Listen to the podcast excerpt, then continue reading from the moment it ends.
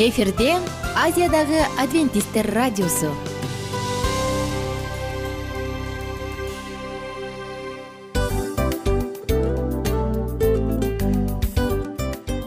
Достор салют.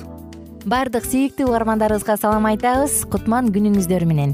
Ден соолук өмүрдүн булагы демекчи саламат саамы программасында баарыңыздарды көргөнүбүзгө абдан кубанычтабыз. Анда алгач амандашып өтөлү арбаңыздар деп. Ден соолугуңуздар кандай элибизде көбүнчө ден соолук кандай дегенде эле жакшы деп жооп беребиз э? ооруп турсак дагы жакшы дейбиз. Анан мен муну айтып ойлойт элем бул абдан сонун сөз депчи анткени бул жакшы деген үмүт да э ооба баары жакшы болот. Баары сонун. Деп үмүттөнүп атып эле өзүбүздү өзүбүз дарылап коебуз. Анысы кандай сиздин дагы ден соолугуңуз жакшы беш деген үмүттөбүз чындыгында ден соолук бул өмүрдүн булагы деп бекеринен айтылган эмес деп ойлойм. Кыргыз элинде анткени эгерде ден соолук жок болсо анда адамдын жашоосунда калган баардык керектүү маңыздуу нерселер өзүнүн баалуулугун жоготуп коет. Ошондуктан ден соолук бул эң керектүү нерсе. Ооба туура айтасың кесиптешим. Чынында ден соолугуң жок бир эки үч күн ооруп калсаң эле э кандай болуп калат? Жашоодо көз каранды болуп каласың көп нерсеге жетишпей каласың көп нерсени кыла албай каласың жада калса эшикке дүкөнгө да чыга албай каласың. Туптуура анан ден соолук болсо демек биз биздин бактыбыз тотой деп койсок болот. Анда достор саламат саамы рубрикабызды баштайлы. Алдыда өзүңүзгө керектүү болгон сонун кеңештерди уга аласыздар. Мына ошондуктан биз менен бирге болуңуздар. Ал эми биз болсо милан жана айнура. Кеттик алга. Алга саламат саама ден соолуктун жарчысы. Саламат саама ден соолуктун ачкычы. Күн сайын сиз үчүн мыкты кеңештер сонун жаңылыктар кызыктуу фактылар биздин рубрикада.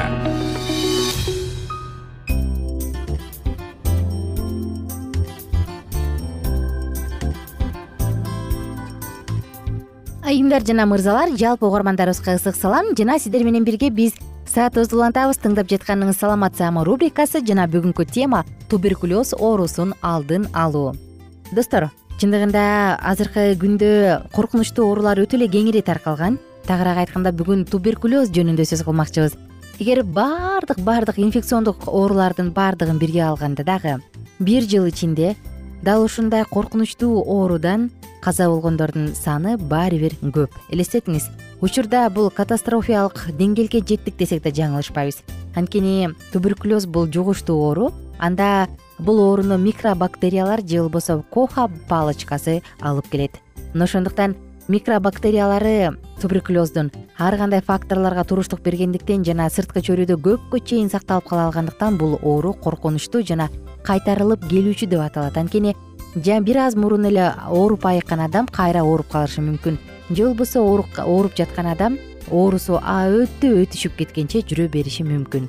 Мына достор чындыгында сен эгерде алдын ала эскертилген болсоң демек куралдангансың деп коет эмеспи. Анысы кандай? Бүгүнкү биздин девизибизди колдонолу дагы. Келиңиздер программаны бирге тыңдайлы. Анткени бул оору баардык жерден кездешиши мүмкүн.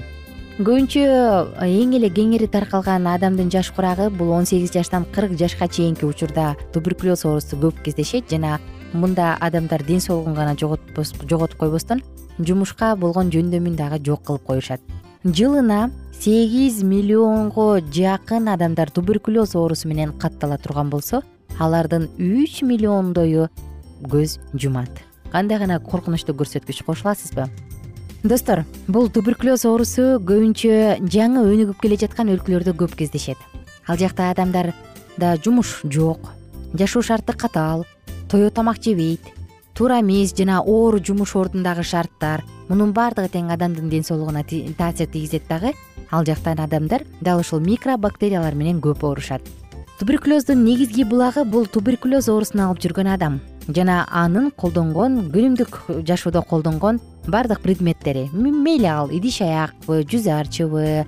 Керек болсо достор ошондой эле туберкулездун микробактериялары дем алуу органдарына чаң аркылуу какырыктын кайсы бир бөлүгү аркылуу жөтөлгөндө чүчкүргөндө сүйлөшүп жатканда күлүп жатканда башка соо адамга жетиши мүмкүн. Ошондуктан абайлаңыздар ким менен кандай адамдар менен баарлашасыз өзүңүздүн коопсуздугуңузду дайым биринчи орунга койгонду унутпаңыз.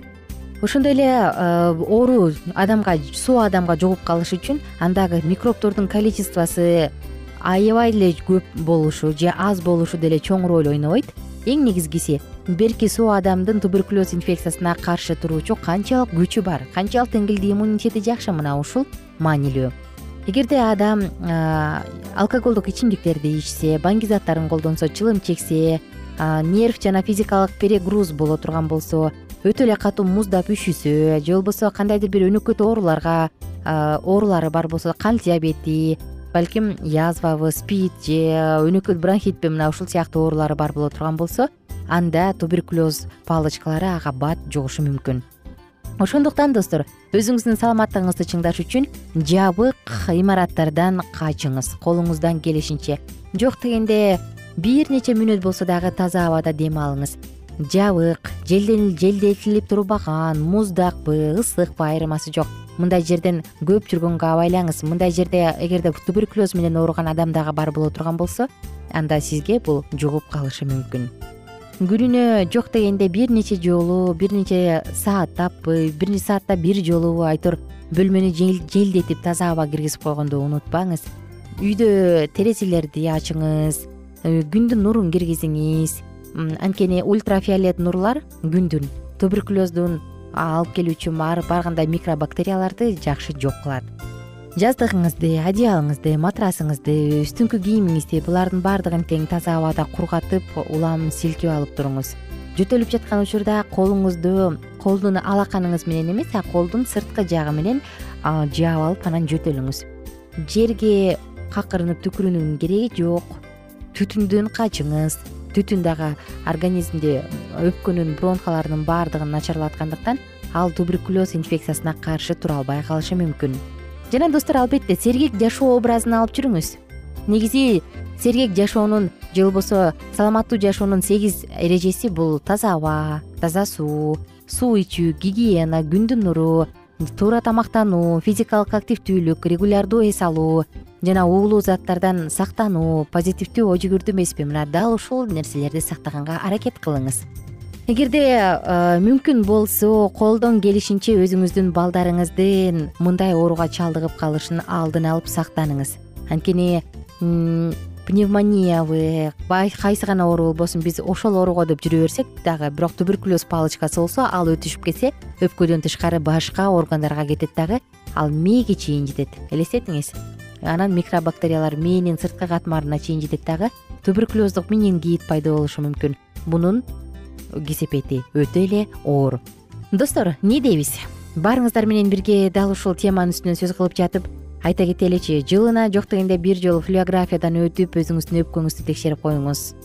Эгерде жөтөлүп жатсаңыз жана кыйналып жөтөлгөндө тердеп алыңыз кетип жатса өтө эле терчил болуп атсаңыз өтө арыктап баратсаңыз какырыкта кан аралаш чыгып жатса анда сөзсүз түрдө доктурга барыңыз бат баттан сиздерди флюографияга тартат дагы рентгенге түшүрөт. Рентгенографиядан кийин өзүңүз сиздин какырыгыңызды бир нече жолу лабораториядан текшерип ал жакта туберкулездун палочкасы жокпу мына ошону текшерип чыгышы керек. Он тогузунчу кылымга чейин баардык туберкулез менен ооруган адамдардыга доктурлар табак жазышчу да тамеки чегиле деп. Бир нече он деген жылдардан кийин гана жок чылым чегүү тескерисинче туберкулезго жакшы шарт түзөт. Андан баш тартыш керек деген чечимге келишкен. Мына ошондуктан достор абайлаңыздар эгерде сиз чылде чылым чегүү деген жаман адат бар болсо шашылыш түрдө андан баш тартыңыз. Туберкулез узак убакыт болсо дагы бирок айыгат айыкчу оору бул бизди сооротот жана үмүт берет. Ошондуктан өзүңүздүн ден соолугуңузга өтө эле сакчы коюңуз дагы сак мамиле кылып кандай тамактанып жатасыз эмне тамактанып жатасыз кандай адамдар менен баарлашып жатасыз булардын баардыгына тең көңүл буруңуз. Дене тап көтөрүлүп жатабы алсыз болуп жатасызбы бат чарчап атасызбы теричил болуп атасызбы өзгөчө түнкүсүн кургак жөтөлүп атасызбы анда доктурду көздөй жөнөңүз а биз болсо сиздер менен убактылуу гана коштошобуз саламат саама ден соолуктун жарчысы. Саламат саама ден соолуктун ачкычы. Күн сайын сиз үчүн мыкты кеңештер сонун жаңылыктар кызыктуу фактылар биздин рубрикада. Салют замандаштар баарыңыздарга ысык салам. Дил маек программабызга кош келиңиздер. Дил маек рубрикасы дегенде эле бул эмне болгон дил маек? Ким менен маектешебиз деп сурайт болуш керек угармандарыбыз бул рубриканы кыскача тааныштыра кетип турган болсок ар тарап кесип ээлеринен болгон сонун интервью кеңештер бар. Ооба. жылдыздар менен болгон маек бар. Аталарыбыздын агаларыбыздын чоң аталарыбыздан сонун кеңештер бар. Ошондой эле эже сиңдилердин кеңештери бар. Айтор баардык кызыктардын баары алдыда негизи эле адам баласы бир кимдир бирөөнө ишенип сырын ачкысы келет эмеспи э мындай баарлашууга жакын келебиз го. Албетте. Негизи бир жерге отуруп алып кенен шашпай баягы жүрөктөн жүрөккө ачып сырларыбызды ар кандай көйгөйлөрүбүз менен бөлүшүп баягы чын жүрөктөн маек курганды кимибиз сүйбөйбүз э? Ооба десең ал нерсеге суусап да келебиз да. Ооба кээ бирде адамга чындыгында баягы э, ысык маек баягы жылуу маек жетишпейт да ошондуктан биз ушул рубриканы ойлоп тапканыбызда эң биринчи эле достор сиздер менен чын жүрөктөн бир маңыздуу темаларды козгоп кеткени э, кааладык. Ошондуктан ушундай сонун бир рубриканы тартуулап жатабыз. Анын үстүнө радио дагы сонун дос да анткени э, мындай учурда досуңа айтсаң досуң досуна айтат досу досуна айтат да анан бүт өлкө билип калышы мүмкүн го а радио болсо сени сатпаган сенин айыбыңды ачпаган. Сенин сырыңды эч кимге айтпаган сонун досуң ошондуктан биздин алдыдагы айта турган кеңештерибизди биздин досторубуздун кеңештерин угуп анан ал жака пикириңизди дагы калтырып кайрадан биз менен байланышсаңыздар болот. Деги эле жашооңузга эгерде кичине болсо дагы өзгөрүү алып моралдык жактан нравовик жактан сонун бир кеңештерди алсаңыз демек биз максатыбызга жеттик. Ооба. Чыңгыз атабыз улуу жазуучу э, чыңгыз айтматов айткандай адам болуу бул күнүмдүк процесс экен. Күн сайын адам бойдон калуу бул адамзатка эң эле кыйын дейт э? э эң кыйын дейт. Чындыгында бунун э, негизинде адамдын эң баягы сапаттуулугу адамдын э, адамгерчилиги жана көптөгөн керектүү нерселер. Мына ошол темалар дагы бизде ушул дил маекте биз аларды да козгойбуз. Ден соолук жөнүндө да сүйлөшөбүз. Сөзсүз түрдө анан милан мырза негизи айтып коюшат го. Биз көбүнчө эмнени ойлонсок? Ошол нерсеге карата иш кылабыз го. Ооба. Анан анысы кандай? Балким бул радио баракчада кимдир бирөөнүн оюн текшергенге жардам берет кимдир бирөөнүн жүрөгүн текшергенге жардам берет. Балким кимдир бирөөгө жашоонун маңызын тапканга жардам берет айтор кызыктын баары алдыда бул жөн гана кыскача жарнама анда угармандарыбыздын баардыгын кийинки рубрикабызга чакырабыз. Ал эми кызматта маңдайымда отурган кесиптешим милан жана мен айнура. Анда эмесе биз даярдаган терең терең ойлор менен таанышууга кеттик. Алыс алыс баралык. Анда эмесе достор биз менен бирге болуңуздар. Алдыда эң кызыктуу маалыматтардын баардыгы бир нече мүнөттөр бою жалгыз гана сизге арналат. Мына ошондуктан жакшы маанай менен угууну каалайбыз. Үн алышканча. Жөнөдүк. Ар түрдүү ардактуу кесип ээлеринен алтын сөздөр жүрөк ачышкан сыр чачышкан сонун маек дил маек рубрикасында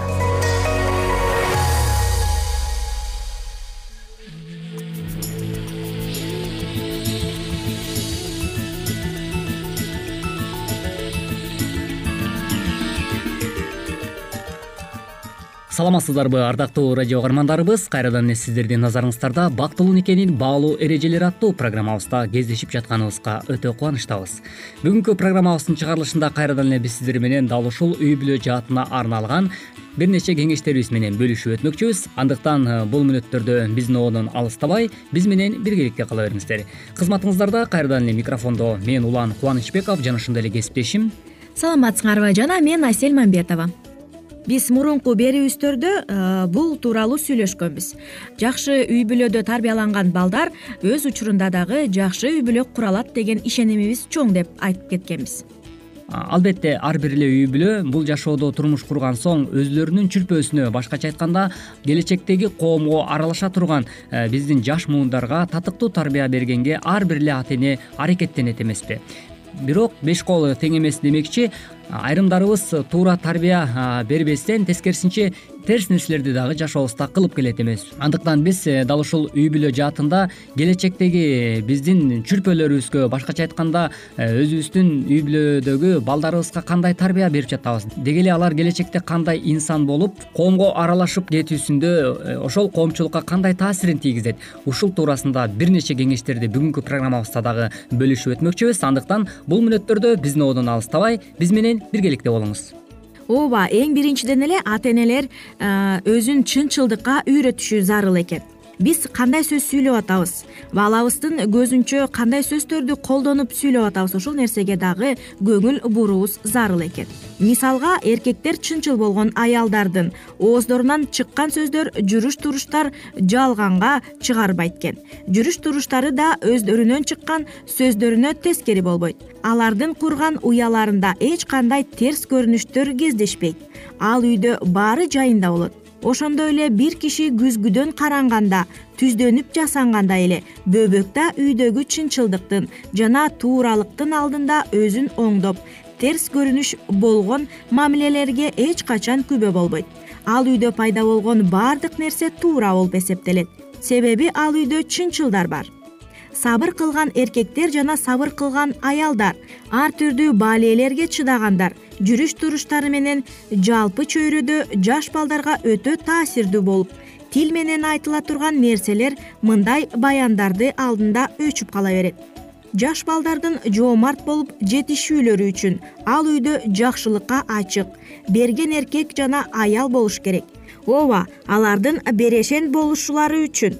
Оболу биз берешен болушубуз керек сени көрүп чоңойгон бала сага окшошкусу келет. Ошондуктан бала бул ата эненин күзгүсү деп билебиз. Туурабы? Албетте туура. Демек биз үй бүлөдө дал ушул үй бүлө курган соң балалуу болгон соң балдарыбызга кандай э, таасир этип жатабыз? Ушул нерселерди эске алуу албетте ар бир эле ата эненин чоң жоопкерчилиги болуп эсептелинет эмеспи. Демек бул нерселерди дагы бүгүнкү күндө ар бирибиз эске алып кандай балдарды тарбиялап жатабыз деги эле аларга кандай биз күзгү болуп жатабыз. Ушул нерселерди дагы сөзсүз түрдө көңүл чордондо калтырбастан жашообузда туура татыктуу тарбия бергенге ар бирибиз аракеттене турган болсок анда биз келечектеги коомго жакшы инсандарды тарбиялаганга чоң салым кошкон болобуз. Негизинен эле бала тарбиялоодо биз эң биринчиден эле өзүбүздү тарбияласак бизди көргөн бала өзүнөн өзү эле тарбияланып калат экен өзүңүздүн балаңызды дагы ар багыттагы кароо сынактардан кийин баланын жоопкерчилиги жогорулап айлана тегерегине тыкан жана аяр мамиле жасап калат экен.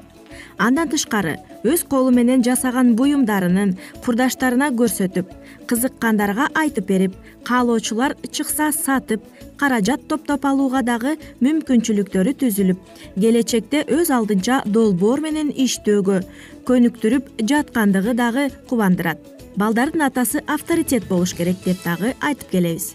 Эгерде биз шаардан таптакыр алыс жашасак деле ар түрдүү адабияттарды колдонмолорду жана техникалык журналдарды сатып алып балдарыбызга өз алдынча окутсак болот балдардын заман талабына эле эмес келечекте элине пайда кыла турган инсан катары тарбиялоонун үстүндө келаткан ата энелерден кеңеш. Биздин акыркы кезде күч алып бараткан балдарга карата зордук зомбулук мамиле кабатырлантат.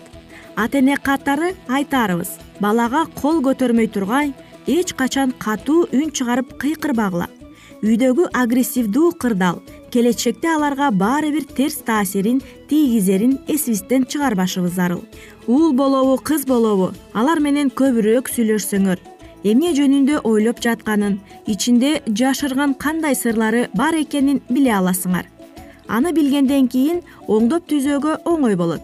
Кандай жол менен болсо дагы китеп окууга кызыктыргыла балким бир жаңы чыккан китепти сатып алып же болбосо үйдөгү классик акын жазуучулардын сизге жаккан чыгармасын бирге окугула аны чогуу талкуулагыла биз негизи карым катнаштан тойлордон убакытты да каражатты да аябайт эмеспизби ошол нерселерге кеткен убакытты же каражаттын жарымын эле балага бөлүп турсак сөзсүз натыйжасы болот. Өзүбүзгө бактылуу карылыкты камсыздоо үчүн биз балдарыбыздын бүгүнкүсүн куруп беришибиз керек экендигин унутпайлы. Тилекке каршы көпчүлүк ата энелердин балдарына көңүл бурууга убакыттары жетишпейт. Мындан айрыкча кызматкер адамдардын балдары жапа чегерин статистика тастыктайт. Ал эми тарбияны каражаттап балдарын кем карчысын кийинтип ичинтүү менен чектелгендер аз эмес. Балдардын жакындарына таштап чет жактарга иштеп жүрүшкөндөр канча дейсиз? Арийне медалдын эки жагы бар дегендей. Алар балдардын материалдык жактан камсыздаары менен моралдык жактан өксүүгө учуратып жатышкандыктарын толук аңдабай калышат. Баланы чоңойтууда анын курсагынан ток болушу үстүндөгү кийиминин бүтүн болушу албетте. Акыркы маселе эмес бирок ата эне анын акыл эс көрөңгөсүнүн кем болбошу үчүн да тынымсыз иш кылып берүү керектигин унутпашыбыз зарыл. Абдан туура. Демек бул нерселерди дагы сөзсүз түрдө жашооңуздарда колдоносуз деген үмүт менен э, ардактуу радио кагармандар сиздердин жашооңуздарга дагы кең келечек жана ошондой эле үй бүлөлүк шартта татыктуу тарбия бергенге аракеттене бериңиз деген тилегибизди дагы айтып кеткибиз келет. Ошону менен бизге бөлүнгөн убакыт соңуна келип жетти. Сак саламатта туруңуздар ар түрдүү ардактуу кесип ээлеринен. Алтын сөздөр жүрөк ачышкан сыр чачышкан сонун маек. Дил маек рубрикасында. Жан дүйнөңдү байыткан жүрөгүңдү азыктанткан жашооңо маңыз тартуулаган жан азык рубрикасы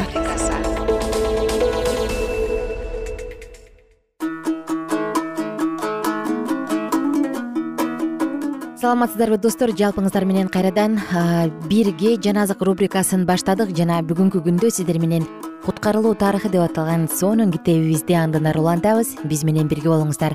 Эң сонун жашооңузга таасир тийгизчү окуяларды дал ушул бүгүнкү уктуруудан уга аласыздар. Шакирттер менен кырк күн. Ыйса машаяк өз шакирттери менен кырк күн жер үстүндө жүрдү. Жана аларга кудай падышалыгынын негиздерин жана максатын тереңдеп ачып берген сайын алардын жүрөгүндө жарык нур жарала баштады. Ыйса машаяк аларга көргөндөрү жана уккандары жөнүндө бүт дүйнөгө күбөлөндүрүүсүн табыштады. Анын өлүмү жана тирилүүсү жана адамдардын күнөөсү үчүн ал өзүн курмандыкка алып келгендигин эми каалаган адам ага келип түбөлүк өмүргө ээ боло тургандыгын айтуусун дайындайт.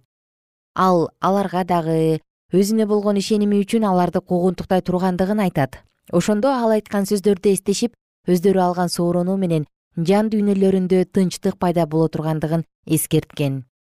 Жана дагы кыйналууда жана сыналууда азгырыкты кантип жеңсе боло тургандыгын аларга айтты. Эми шайтандын алардын үстүнөн бийлиги жок бирок ал өзүнүн болгон айлакерлик азгырууларын аларга жана өзүнө ишенген башкаларга дагы багыттай тургандыгын түшүндүрүп берди ушунун бардыгына карабастан машаяктын шакирттери өздөрүнүн устаты сыяктуу жеңишке жете алышат. Ыйса машаяк өз шакирттерине керемет күчтөрдү жасоого укук берди жана куугунтук учурунда дагы аларды коркунучтардан куткарып өз периштелерин жиберип тураарын айтты. Аларга берилген иштерди аягына чейин аткармайынча алар өлүшпөйт. Ошондон кийин гана таратылган күбөлөндүрүүнү өз кандары менен тастыкташат машаяктын ишенимдүү жолдоочулары бул айтылган насааттарды кубануу менен угуп жатышты. Анын оозунан чыккан ар бир сөздөн ырахат алышты. Эми анын дүйнөнү куткаруучу экендигин алар билип калышты. Машаяктын айткан сөздөрү алардын жүрөктөрүнө терең кирип жана өздөрүнүн асмандык устаты менен жакында ажырашып кала тургандыгын угушуп абдан капаланышты. Анткени эми анын оозунан чыккан сооротуу сөздөрдү алар экинчи угушпайт качан ыйса машаяк асманга барып аларга жай даярдай тургандыгын жана кайрадан кайтып келип аларды өзүнө өзү менен түбөлүк болуш үчүн алаарын айтканда алардын жүздөрүндө кайрадан үмүт жандана түштү. Ал аларга ыйык рух жиберерин жана ал аларды ар кандай чындыкка үйрөтө тургандыгын айтты. Жана колун өйдө көтөрдү да аларды алкыштады деп жазылган лука жазган жакшы кабар жыйырма төртүнчү бап элүүнчү аятта машаяктын көтөрүлүп кетиши. Түгөл асман ыйса машаяктын кудай атага көтөрүлүп келүүсүн салтанаттык менен күтүп турушкан. Даңктын падышасын курчашып жана аны менен бирге асманга көтөрүлүү үчүн асмандан периштелер пайда болду. Машаяк өз шакирттерин алктагандан кийин алардан оолак барып асманга көтөрүлүп кетти. Качан ал асманга көтөрүлгөндө анын артынан ал тирилгенде кошо тирилишкен көп сандаган ыйык адамдар дагы кошо көтөрүлүштү. Аларды түмөндөгөн периштелер коштоп сан жетпеген асман тургундары ыйса машаяктын келишин күтүп турушкан. Андан кийин түгөл асман аскери өз башчысын курчашып анын алдында таазим кылышып анын бутунун алдына өздөрүнүн жалтыраган таажыларын чечишти. Периштелер болсо өздөрүнүн алтындан жасалган кыл аспаптарын алышып мукамдуу үн чыгарышканда бардыгы асман жаңырта курман болгон жана тирилген азыр жандарында өз даңкы менен турган козу жөнүндөгү даңазалуу ырды ырдап жатышты. Кайтып келүүгө убада берүү. Качан шакирттер капалуу өз устатынын карааны көрүнбөй калганча асманды карап турушканда алардын жанына ак кийимчен эки периште пайда болду дагы мындай деп айтты галилеялык эркектер эмнеге асманды карап турасыңар? Силерден асманга көтөрүлгөн бул ыйса асманга кандай көтөрүлгөнүн көргөнүңөрдөй кайра келет. Элчилердин иштери биринчи бап он биринчи аят. Шакирттер кыска убакыттын ичиндеги машаяктын жасаган керемет иштери даңазалуу окуялары жөнүндө таң калуу менен сөз кылып жатышты. Шайтандын ачууланганы. Шайтан кайрадан өз шабырларын чогултуп кудайдын башкаруучулугуна көрө албастыгы менен аларга мындай деп айтат.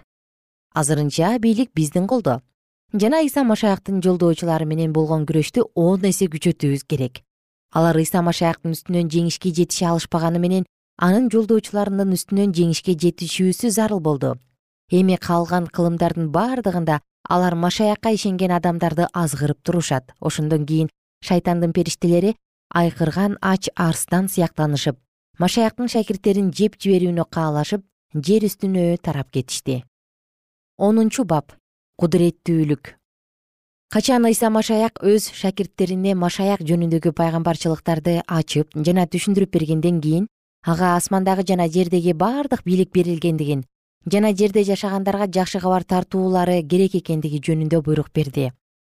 Шакирттерде дагы деле ыйса машаяк дөөт пайгамбардын тактысын иерусалимде орнотот деген үмүт жанданып кетти жана андан мындай деп сурашты. Теңир сен израилге бул убакта падышалыкты орнотосуңбу? Элчилердин иштери биринчи бап алтынчы аят. Машаяк алардын оюн өздөрү билбеген нерселерден буруп мындай деп айтат. Ата өз бийлигине алган убакыттарды жана мезгилдерди билиш силерге тиешелүү эмес. Шакирттер ыйык рухтун таң каларлык түшүүсүн жүйүттөргө дагы таасир берип алар дагы ыйса машаякка ишенип калышат деген үмүттө боло беришти. Куткаруучу аларга баарын толук түшүндүрүп берген жок анткени аларга качан ыйык рух түшкөндө алардын акылдары ачылып алардын аткара турган иштери ыйса бүтүрүп койгон ишти аткаруу эмес бирок башталганды улантуу керек экендигин билип калышат.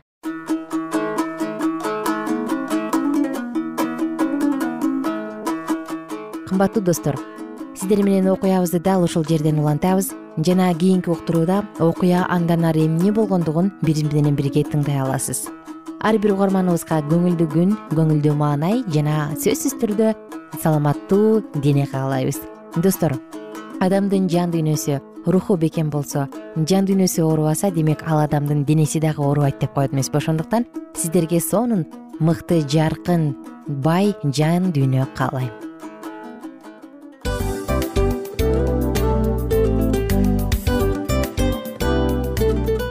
ушул менен достор программабыздын уктуруубуздун эң кайгылуу мөөнөтүнө келип жеттик. Кайгылуу дегенде ыйлагым келип кетти кесиптеш. Кадимкидей. Анткени баягы учурашасың анан коштошуу учур келгенде ии кантип ии эми эми бат келиптир э сагындырбай деп атып араң коштошобуз го. Анысы кандай? Угармандарыбыз менен коштошчу учур келди. Кийинки уктурууларды сагыныч менен жүрөгүбүздө кусалык менен күтөбүз жалпыңыздарды анан жарым сааттык уктуруу көз ачыш йумканча өтүп кетти. Сөзсүз бирок бизде жакшы кабар бар. Кийинки уктурууларыбызда сөзсүз дагы кезигишебиз. Анткени биз көптөгөн сюрприздерди кызыктуу маалыматтарды жана керектүү керектүү нерселердин көбүнчөсүн даярдадык. Анда угармандарыбыздын баардыгына ийгиликтүү күн каалайбыз эгерде бүгүнкү күнүңүз өзгөчө э, өтүшүн кааласаңыз анда позитивдүү ой жүгүртүп жылмайып жакындарыңызга жакшы маанай тартуулап жүрө бериңиз. Анткени сөзсүз түрдө мунун арты кайтат э? Сөзсүз. Баягы ден соолугуң оңолот ал бул деп көп нерсени санап келебиз. Эң негизгиси бул сиздин жашооңузду жаркын кыла түшөт экен.